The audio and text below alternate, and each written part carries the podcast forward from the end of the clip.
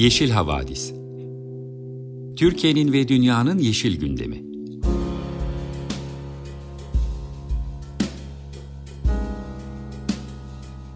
Hazırlayan ve sunanlar Demet Yaman Er, Savaş Çömlek, Dilan Altın Makas, Sare Abit ve Tansu Yeşilkır.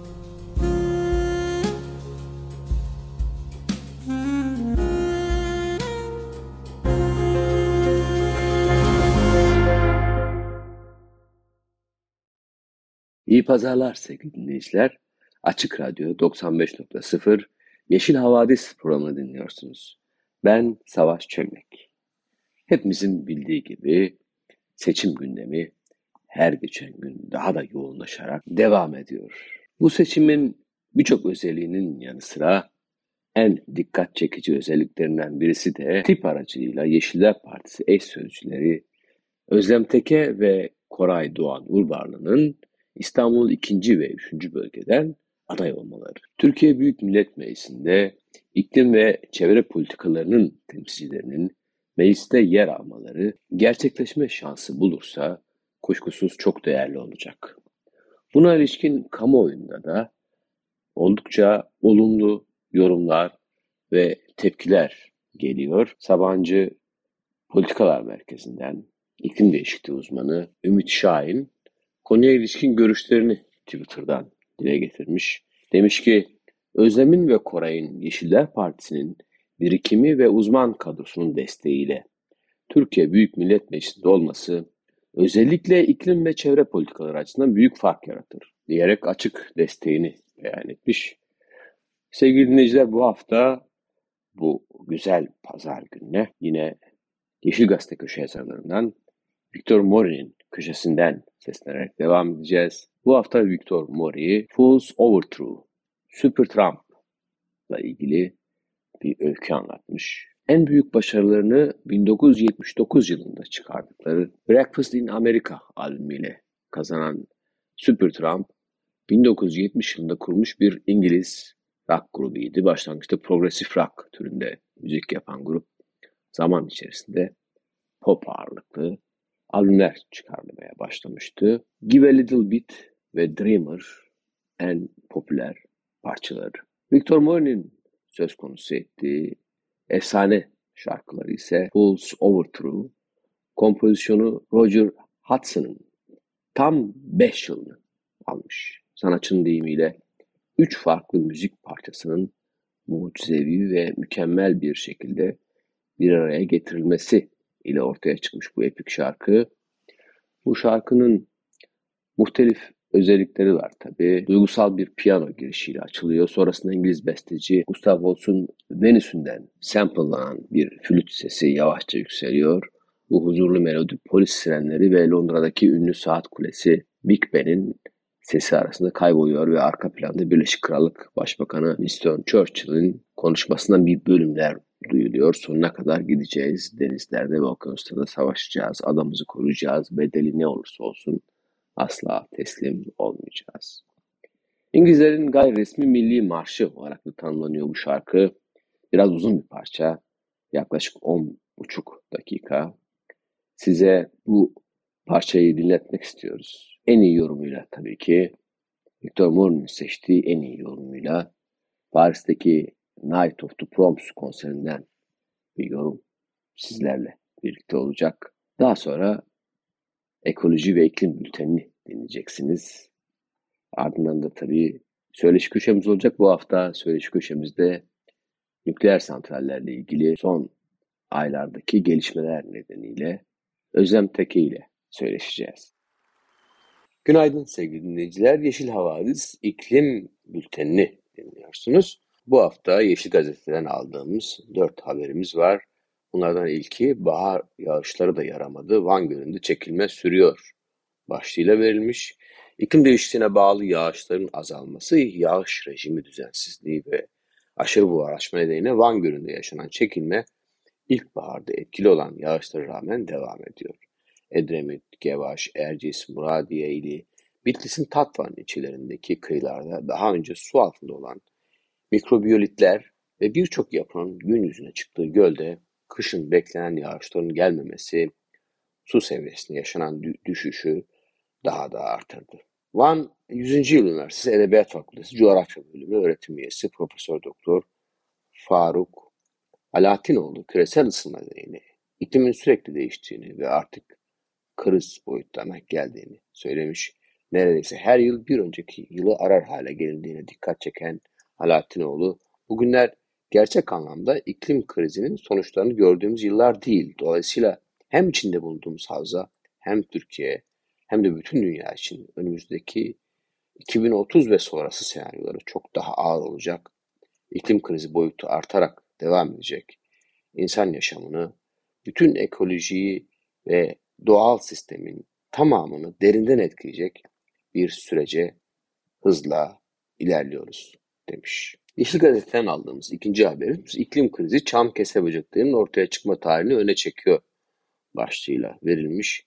Ağaçlara büyük zarar veren çam kese böcekleri mevsim normallerinin 4-5 derece üzerinde yaşanan kış koşulları nedeniyle 1 ila 2 ay önce toprağa indi. Böylece doğal avcılarıyla karşılaşmayan hayvanlar sıcaklıkların artmasına bağlı olarak bir dönemde iki nesil vermeye başladılar. Bir sonraki haberimiz iklim krizi gıda güvenliğini tehdit eden bitki pandemilerinin yayılımını kolaylaştırıyor başlığıyla verilmiş. Dünyanın dört bir yanında buğdaylara nüfuz eden bir mantar türünün benzeri görülmemiş ölçüde yayılması bilim insanlarını ekin türlerinin tahribatını en aza indirmek için bunların genetik gözetiminde daha güçlü bir uluslararası işbirliği çağrısında bulunmaya etmiş. İlk kez 1985 yılında Brezilya'da tespit edilen buğday kavrukluğu mantarı zamanla komşu ülkelere yayılmış. Daha yakın zamanda salgınlar Bangladeş ve Zambiya'da ortaya çıkmış. Buğday kavrukluğu 2016 yılında Bangladeş'te yaklaşık 15 bin hektar tarım arazisine zarar vermiş. Ülkenin etkili buğday alanının %16'sının fazlası bu pandemiden etkilenmiş. Salgın nüfuz ettiği alanlarda mahsulün %100'üne zarar vermiş. Zambiya'da ise ilk kez görüldüğü 2018 yılından bu yana çeşitli şiddetlerde görülmeye devam etmiş. Gıda güvenliği için büyük bir tehdit oluşan bu pandemi de bilim insanları mantarın enfekte tohumların ithalatı veya rüzgarla seyahat eden sporlar yoluyla diğer ülkelere yayılabileceğini söylemişler. Buğday kavrukluğu hala hazırda Bangladeş'teki 8 bölgeden 21 bölgeye taşınmış durumda.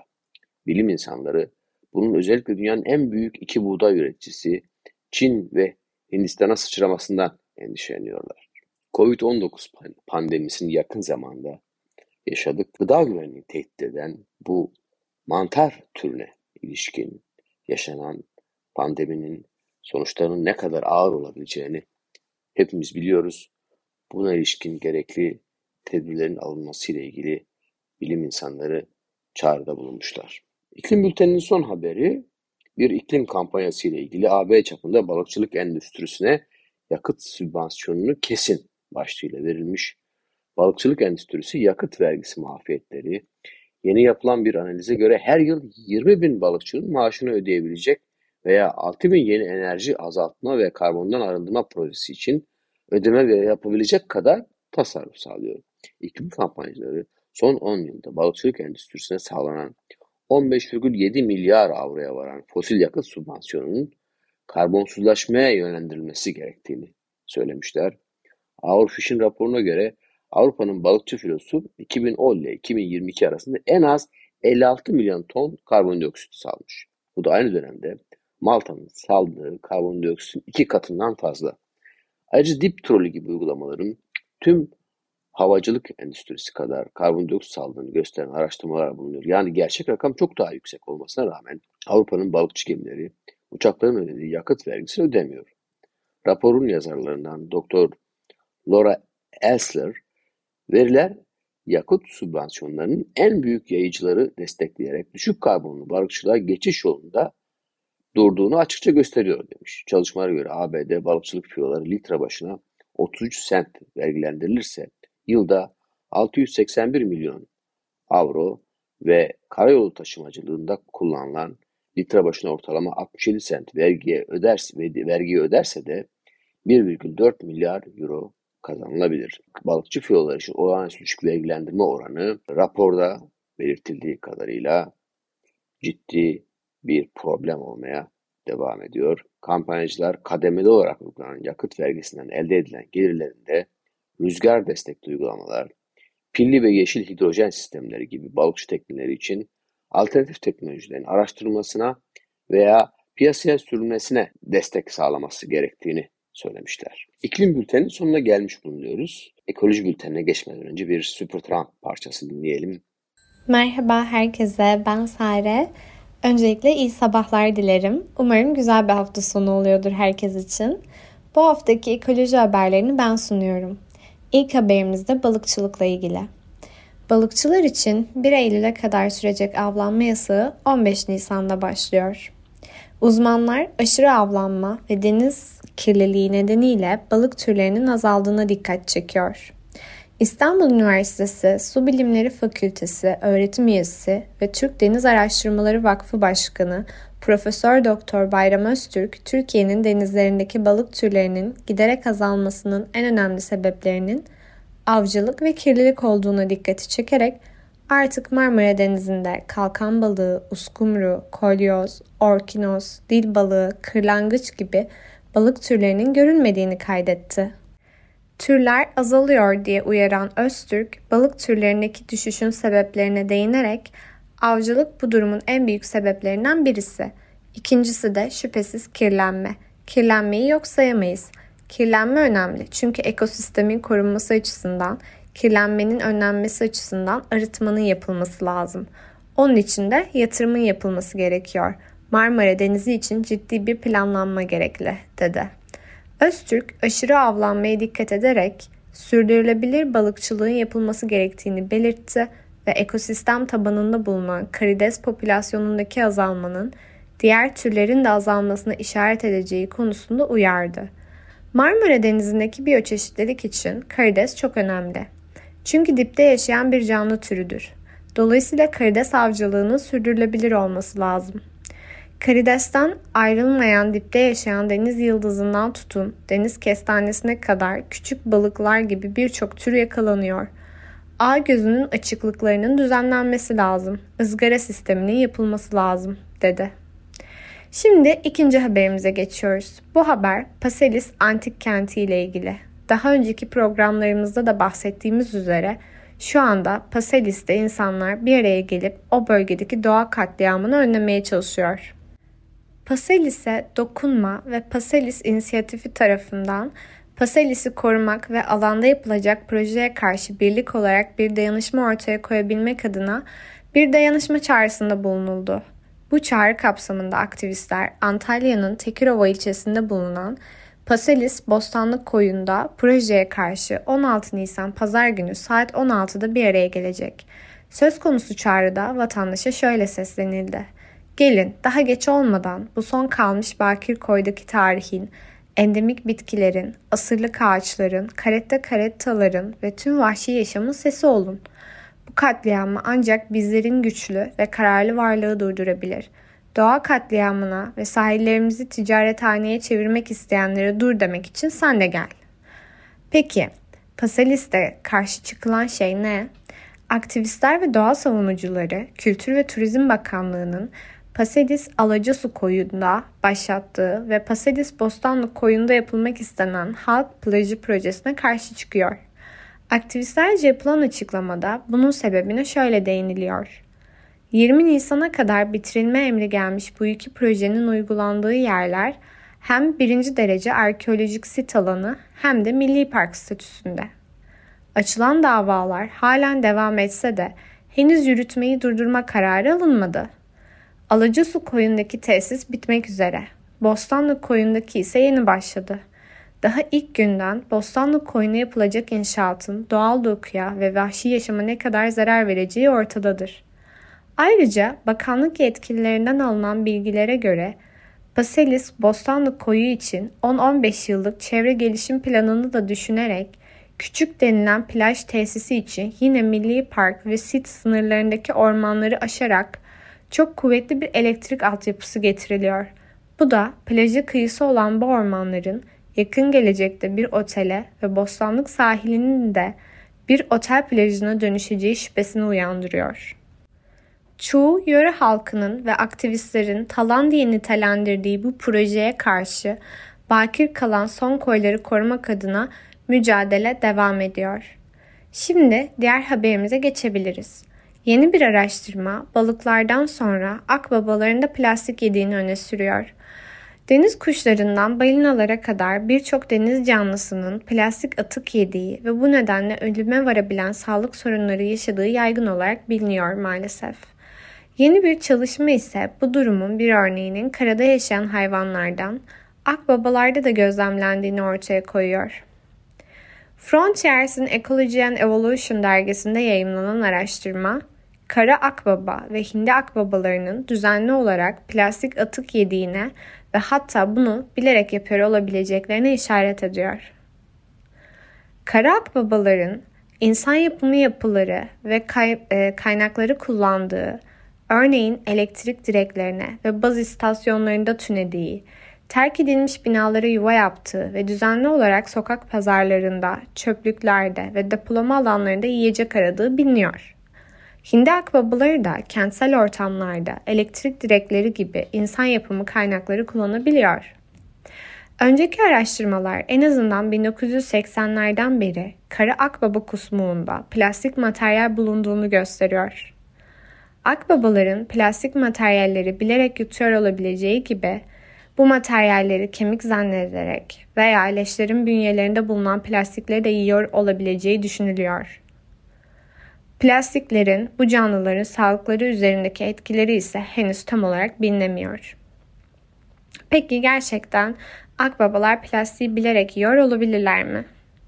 Amerikalı bilim insanları yeni bir çalışmada kara ve hindi akbabalarının yediği plastik miktarının kentlere yakın veya uzak olmalarına göre tahmin edilebileceğini, kentsel alanlardaki ticaretin yoğun olduğu bölgelerdeki e, akbabaların plastik yeme oranlarının da daha fazla olduğunu gösteriyor. Araştırmanın başyazarı Hannah Petrich, kentsel gelişimin ve gıda ticaretinin daha yoğun olduğu bölgelerde kara akbabalar ve hindi akbabaları daha fazla plastik tüketiyor diyor. Genelde tahmin edildiği gibi bu plastikleri yalnızca kazara değil, bir kısmının kasıtlı olarak yiyor olmaları mümkün. Araştırmacılar 2.8 milyon insanın yaşadığı Charlotte metropolitan bölgesinde kara ve hindi akbabaları tarafından paylaşılan 8 ortak tüneyi inceledi.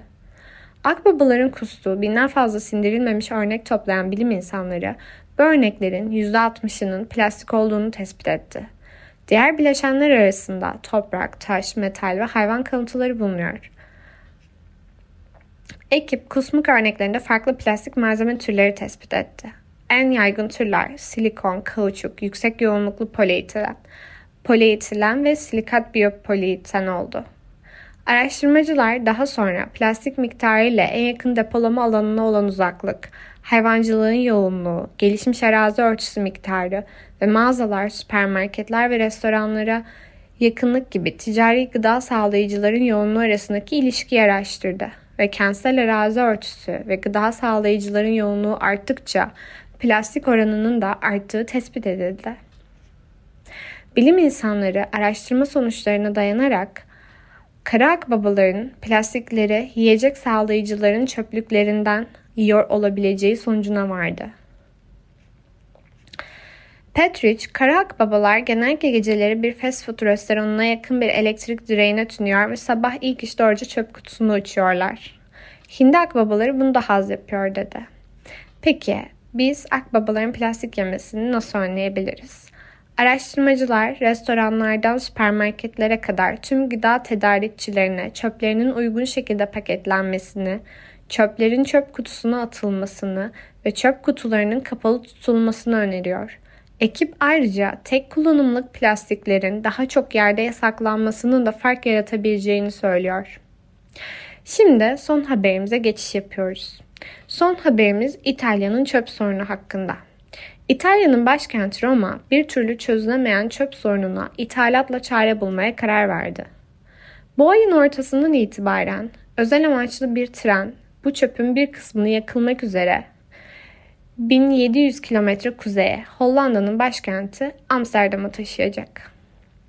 Şehrin 4 milyon sakininin bertaraf edebileceğinden daha fazla evsel atık ürettiğini açıklayan yetkililer bunun en çevreci çözüm olduğunu iddia ediyor. Euronews'un aktardığına göre başkentin ürettiği atıkları işleme kapasitesi bulunmuyor. Geçen yıl çıkan büyük bir yangın şehrin en büyük atık işleme şirketine ağır hasar vermişti. Sorunu çözecek kapasitede yeni bir atık tesisinin kurulumu ise en az 2026'yı bulacak. Çöplerin sokaklara ve su yollarına dökülmesine izin vermeyen Romalı yetkililer bir süredir bu soruna çözüm arıyordu. Atıkları yavaş yavaş ayrışacağı ve çok miktarda zararlı metan gazı salacağı bir depolama alanına gömmek yerine haftada 900 ton çöpü almayı kabul eden Amsterdam Atık ve Enerji Şirketi ile bir anlaşma yapılmasına karar verildi. İtalyan gazetesi La Repubblica'ya göre kent, Amsterdam Atık ve Enerji Şirketi'ne ton başı 200 euro ödeyecek. 3 yıllığına yapılan anlaşma sonucunda şirkete, şirkete ödenecek meblağ yaklaşık 28 milyon euroyu bulacak. Peki hangisi daha iyi? Yakmak mı, depolamak mı? Roma yönetimi imha edilmeyen çöpleri uzaklaştırmanın ve başka yerde yakılmasının en iyi çözüm olduğunu düşünse de bir ton kentsel atığın yakılması yaklaşık 1,3 ton karbondioksit salınımına neden oluyor. Ayrıca çöplerin yakılması zararlı kül ve diğer toksik yan ürünler üretiyor. Çöplerin depolama alanlarına boşaltılması ise organik madde oksijensiz ayrıştığı için metan gazı üretiyor. 100 yılı aşkın bir zaman aralığında metan, karbondioksitten yaklaşık 25 kat daha fazla bir ısınma potansiyeline sahip. Avrupa'nın birçok ülkesinde hala yapılmakta olan artık atıkların düzenli olarak depolanmasının esas olarak metan emisyonları nedeniyle zararlı çevresel sonuçları olan düşük dereceli bir atık bertaraf yöntemi olduğunu ileri sürüyor. Amsterdam Anlaşması'nın bir kısmı bu çöpten üretilen enerjinin Amsterdam'daki evleri ısıtması koşulunu içeriyor. Ancak her iki seçenek de gezegenin sağlığı için en iyi yöntemler değil. Yapılması gereken üretilen çöp miktarının mümkün olan en aza indirebilmek ve geri dönüşüm yapılabilecek malzemeleri düzenli olarak ayrıştırmak. Avrupa'da kentler arasında da yoğun bir çöp trafiği olsa da Avrupa Birliği'nin atıklarının çoğu bloğun dışına genellikle Türkiye ve Hindistan'a ithal ediliyor. Çin'in 2018'den sonra çöp ithalatına kısıtlama getirmesinin ardından dünyadaki atık ticareti farklı az gelişmiş ülkelere kaydı. Bu yasaktan çok daha önce Avrupa'nın çöplerini almakta olan Türkiye'de bu artıştan payını aldı. Greenpeace'in verilerine göre Türkiye 2020 yılında Avrupa, Avrupa Birliği ülkeleri ve İngiltere'den toplam 659.960 ton plastik atık ithal etti. Plastik atık ithalatı 2004'ten bu yana ise 196 kat arttı. Bu durumun gelecekte azalmasını ve daha iyi çözümler bulunmasını ümit ederek bu haftaki bültenimizi de sonlandırıyoruz. Sizlere Hindi Zahra'nın At the Same Time şarkısıyla veda etmek istiyorum. Kalbinizden geçen güzel şeylerin gerçekleştiği bir hafta olsun. Merhaba Yeşil Havadis dinleyicileri. Ben Deniz Mensa Ergenç. Programımızın bu bölümünde Açık Radyo dinleyicilerinin sesini yakından tanıdığı Özlem Teke ile sohbet edeceğiz. Kendisini her cuma 10.30'da Vakainame adlı programda dinliyorsunuz. Özlem, Yeşiller Partisi eş sözcüsü, özellikle kadın ve hayvan hakları için mücadele eden bir aktivist, iklim krizi ve ekoloji sorunlarına bilimsel perspektiften çözüm arayan bir çevre mühendisi. Yeşil Havadis'e hoş geldin Özlem. Teşekkür ederim Mesa bu harika tanıtım için ayrıca. Rica ederim. Ee, seninle e, Akkuyu güç, e, nükleer güç santralini ve 27 Nisan'da yapılacak töreni konuşmak istedik. E, 27 Nisan öncesi bölgeye Yeşiller Partisi es ölçüleri olarak bir ziyaret yapacağımızı biliyoruz. E, bu konuya da değineceğiz ama öncelikle en baştan e, almak gerekirse nükleer e, santraller ve nükleer enerji temiz bir enerji mi e, ve fosil yakıtlara e, iyi bir alternatif mi diye sormak istiyorum. Ee, nükleer enerji e, kesinlikle temiz değil. E, iklim krizine çözüm olması da e, söz konusu değil tabii ki. E, ilk e, önce belki de nükleerle ilgili söylememiz gereken şeylerin başında e, iklim krizine de neden çözüm olamayacağının en önemli nedenlerinden birisi planlama aşamasından işletmeye alınmasına kadar geçen kurum süresinin oldukça uzun olması bu ortalama 14-16 yıl olarak belirtilebiliyor. Oysa ki bilim bize ne söylüyor? Ee, önümüzde e, işte 3-5 yıl gibi kısa bir zaman var bizim ciddi iklim politikalarıyla enerji sistemini değiştirmemiz için. Oysa nükleer e, kurulumu, e, yapım aşamaları çok çok uzun süren ve bunun dışında da birçok e, atık sorunundan e, erime riskine kadar oldukça fazla sayıda problemi de beraberinde getiren bir sistemden bahsediyoruz.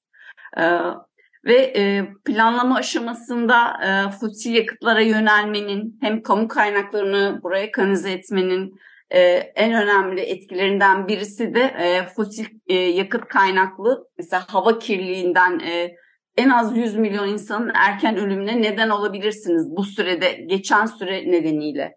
Oysa güneş ya da rüzgar çiftlikleri için bu süre 2 ila 5 yıl arasında değişebiliyor. Ee, ya da çatınıza e, çok kısa sürede e, bu e, güneş panellerinden kurabiliyorsunuz. E, iklim krizine karşı belirlenen hedefleri yapımından işletmesine kadar tüm süreçleri belirsizliklerle dolu nükleerle ulaşmak hiç de gerçekçi değil e, yine maliyetler açısından da karşılaştırabiliriz. Ki Dünya Nükleer Enerji Durum Formunun raporları yayınlanır ve bu raporlarda 2009 ile 2019 arasındaki 10 yıllık dönemde güneş enerjisinde %90'a, rüzgarda da %70'e e, varan e, ucuzlamalar söz konusuyken nükleer enerjinin maliyetlerinin %26 daha arttığı gözlemlenmiş. Ee, ki bu nükleer için baz alınan maliyetlerin içinde inşaat gecikmeleri, erime maliyetleri, depolama maliyetlerinin olmadığını da belirtmek gerekiyor. Ee, sektör devletlerden ayrıca sürekli sübvansiyon talep ediyor. Ee, nükleerle ilgili ki zaten nükleerin daha en başından bunun militarist bir yapılanma olduğunu unutmamak gerekir. Nükleer silahların yayılma riski var hem zenginleştirilmiş uranyum hem de plütonyumun elde edilmesi nedeniyle devletlerin ya da terör örgütlerinin silah elde etme olasılığı belirgin bir şekilde artıyor ki e, IPCC raporlarında da bu e, ihtimalin belirtildiğini biliyoruz. E, yine e, son zamanlarda bir alternatif gibi sunulmaya çalışılıyor ki Türkiye'nin de Amerika ile e, oldukça fazla sayıda küçük modüler reaktörlerle ilgili bir takım pazarlıklar, görüşmeler yaptığını biliyoruz. E, bu reaktörler asla e, ne atık riskini yok ediyor ne de diğer nükleerin sahip olduğu risklerin hiçbirisini elimine edemiyor. E, sadece nükleer lobisinin e, bir pazarlama taktiği. E, normalde nükleerle ilgili hiçbir sorunun çözülmediğini çok iyi biliyoruz. Nükleer bir kere ham madde süreçlerinden itibaren e, hem bir karbon ayak izinin hem bu üretim koşullarının çok kötü olduğu, çevreye tahribatta bulunan bir sistem bu e, materyaller çıkartılırken aynı zamanda nükleer işletim e, anında da çevreye sürekli salım yapıldığını biliyoruz. E, çevre etkileri hiçbir zaman engellenemiyor. E, erime riskini biliyoruz ki 2021 ee, yılı e, aslında iki önemli nükleer felaketinde e, yıl dönümleriydi. Çernobil'in 10. Fukushima, e, Fukushima'nın 10. Çernobil'in 35. yılına denk geliyordu 2021 ve o yıl daha çok bunların altı çizildi. Ki geçen yıl yine Rusya'nın Ukrayna'yı işgalle başlayan bir süreç var ve Ukrayna'daki nükleer santralin sürekli bir saldırıya uğraması ve e, santralin erimesiyle ilgili birçok riskle karşı karşıyayız. Bunu her gün e, yakıcı bir şekilde hissediyoruz. E, şunu da biliyoruz yani yine e, Çernobil'in olduğu bölgede savaştan önce orman yangınlarının o bölgeyi tehdit ettiğini ve yine böyle bir patlamanın gerçekleştikten sonra hiçbir zaman o felaketlerin sonuçlanmadığını biliyoruz. Yine geçen ay Fukushima'da tonlarca nükleer e, atın okyanusa bırakılacağı, bırakılacağıyla ilgili hükümetten açıklamalar geldi. E, atık riskinin hiçbir zaman e, sonlandırılamadığı, mümkün olmayan bir sürecin karşımıza dayatıldığını görüyoruz. Böyle şimdilik riskleri böyle açıklayalım. Sorun varsa devam edelim.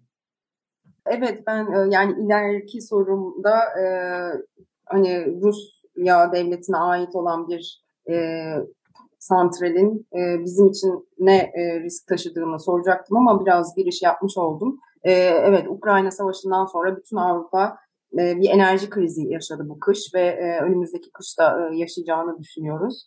E, işletmesine Rusya devletine ait e, olan bir e, nükleer güç santrali e, Türkiye açısından küresel enerji bağımlılığına Türkiye'yi götürecek bir e, duruma sokmaz mı? E, bu açıdan da e, güven yani uluslararası güvenlik açısından da e, enerji krizi ve enerji e, demokrasisi açısından da e, riskler taşımıyor mu bu santral?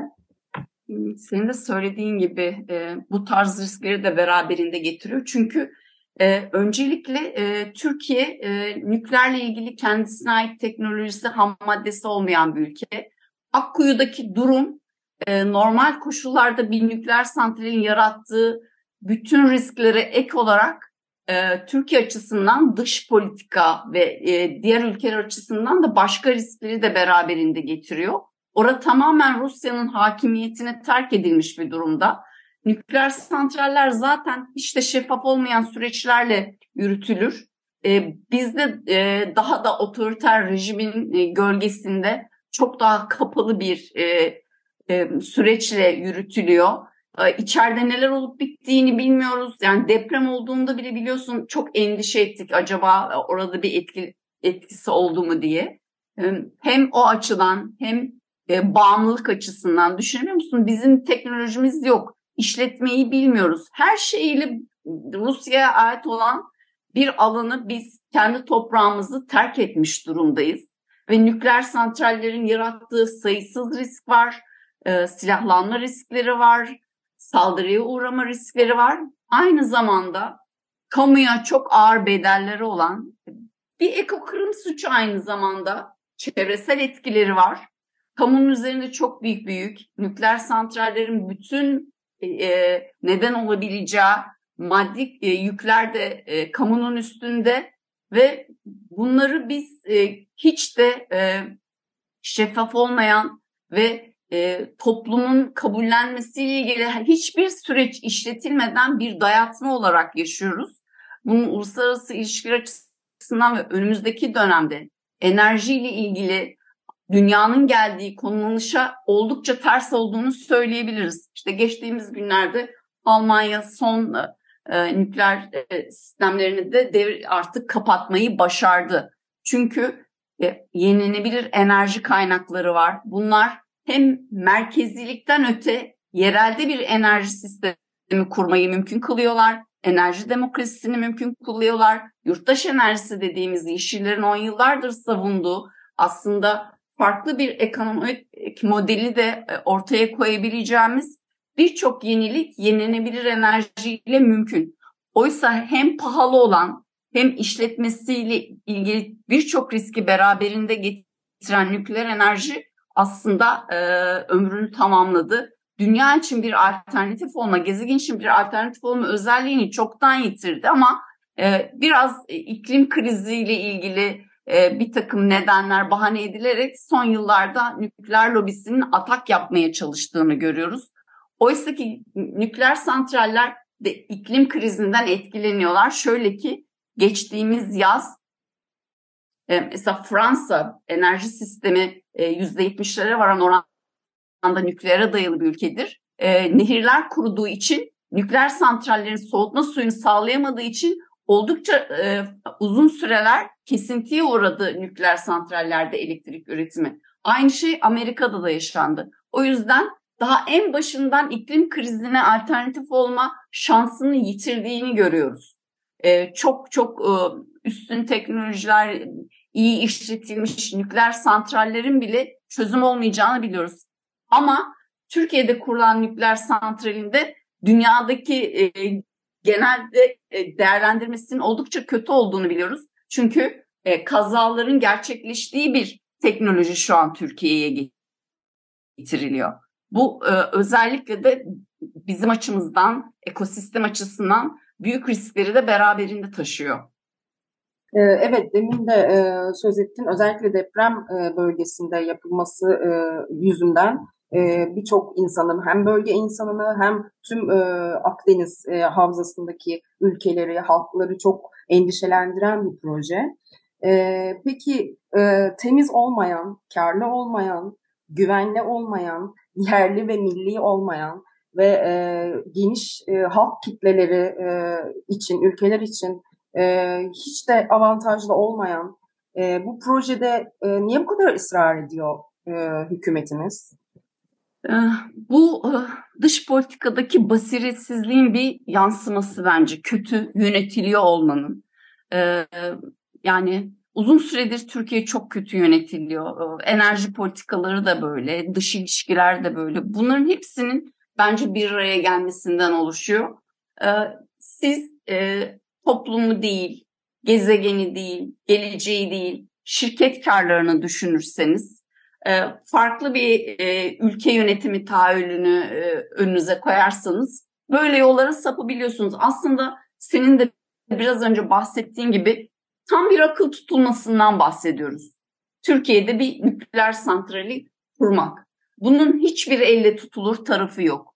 Ekonomik değil, güvenli değil, bize ait değil, yerli milli değil ama zaten e, enerji politikaları hem e, kömüre dayalı enerji e, sisteminin devamı konusundaki hükümetin ısrarı hem de bu nükleere karşı olan e, eğilim bize bunu gösteriyor.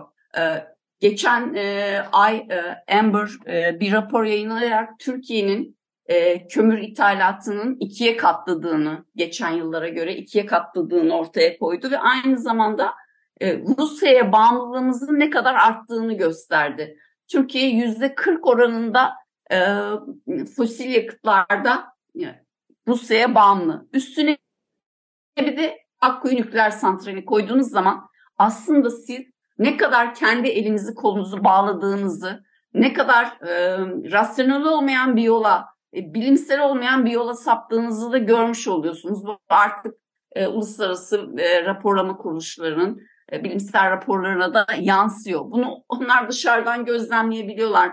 Biz içeriden bunu göremiyor muyuz? Yani bu soruyu sorabiliriz. Peki 27 e, Nisan'da tam olarak ne olacak e, Özlem? Yani ilk yakıtın gelmesi ne demek? Tesis çalışmaya başlayacak mı? Enerji üretmeye mi başlayacak? Şimdi biraz önce de bahsettim bu süreçler hiç şeffaf değil. Ee, biz nükleer santraldeki inşaat aşamasını ya da işletmeye almayla ilgili süreçlerin ne durumda olduğunu bilmiyoruz. Ama ben e, şunu gözlemliyorum. Bunun ben daha çok seçime yönelik bir e, şova dönüşeceği inancındayım. Bir güç gösterisine. Çünkü e, yani mevcut hükümet şimdiye kadar hep seçim çalışmalarında birçok aynı tesisi 50 kere 100 kere açarak topluma bir propaganda malzemesi sunuyordu. Şu an ellerinde çok fazla bir şey kalmadı. İşte bu nükleer santrali bence bu seçim sürecinde bu amaçla kullanacaklardır. Hem dayatmacı e, siyasal görüşlerini e, hem de bu seçime giderken e, kendilerini gösterme amacıyla bu süreci kullanacaklar. Gerçek anlamıyla bir e, santrali devreye alma girişimi olup olmadığı konusunda e, çok emin değilim. Bu konuyla ilgili ben bir e, veriye bilgiye tam olarak e, rastlayamadım. Ama söylediğim gibi e, en azından bu bir şov olarak kamuoyuna sunacaktır. O zaman hala mücadele etmek için hala e, tesisin e, çalışmaya başlamadan önce, devreye girmeye e, girmeden önce e, buna karşı çıkanların, bütün halkların, çevre halklarının, bütün Akdeniz Havzası e, ülkelerinin e, hala şansı var e, diyebiliriz. Bu umut veren bir durum. Ee, peki e, 27 Nisan'da programın başında da söylediğim gibi siz oraya Yeşiller Es Sözcüleri, Yeşiller Partisi Es Sözcüleri olarak bir ziyarette bulunacaksınız. Yeşil Havadisi olarak bunu takip edeceğiz. Sizin çalışmalarınızı takip edeceğiz.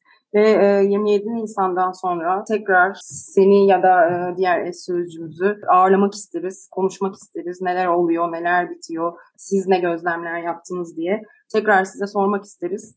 E, çok teşekkürler verdiğin bilgiler için ve son e, olarak hani biraz umut var bir şekilde kapatabildiğimiz için hala her şeyin bittiğine, her şeyin geçmiş olduğunu duymadığımız için ben umutlu kapatıyorum en azından programı. Tekrar görüşmek üzere. Çok teşekkürler.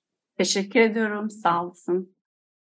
Sevgili Açık Radyo dinleyicileri, bugünkü Yeşil Havadis programının sonuna gelmiş bulunuyoruz.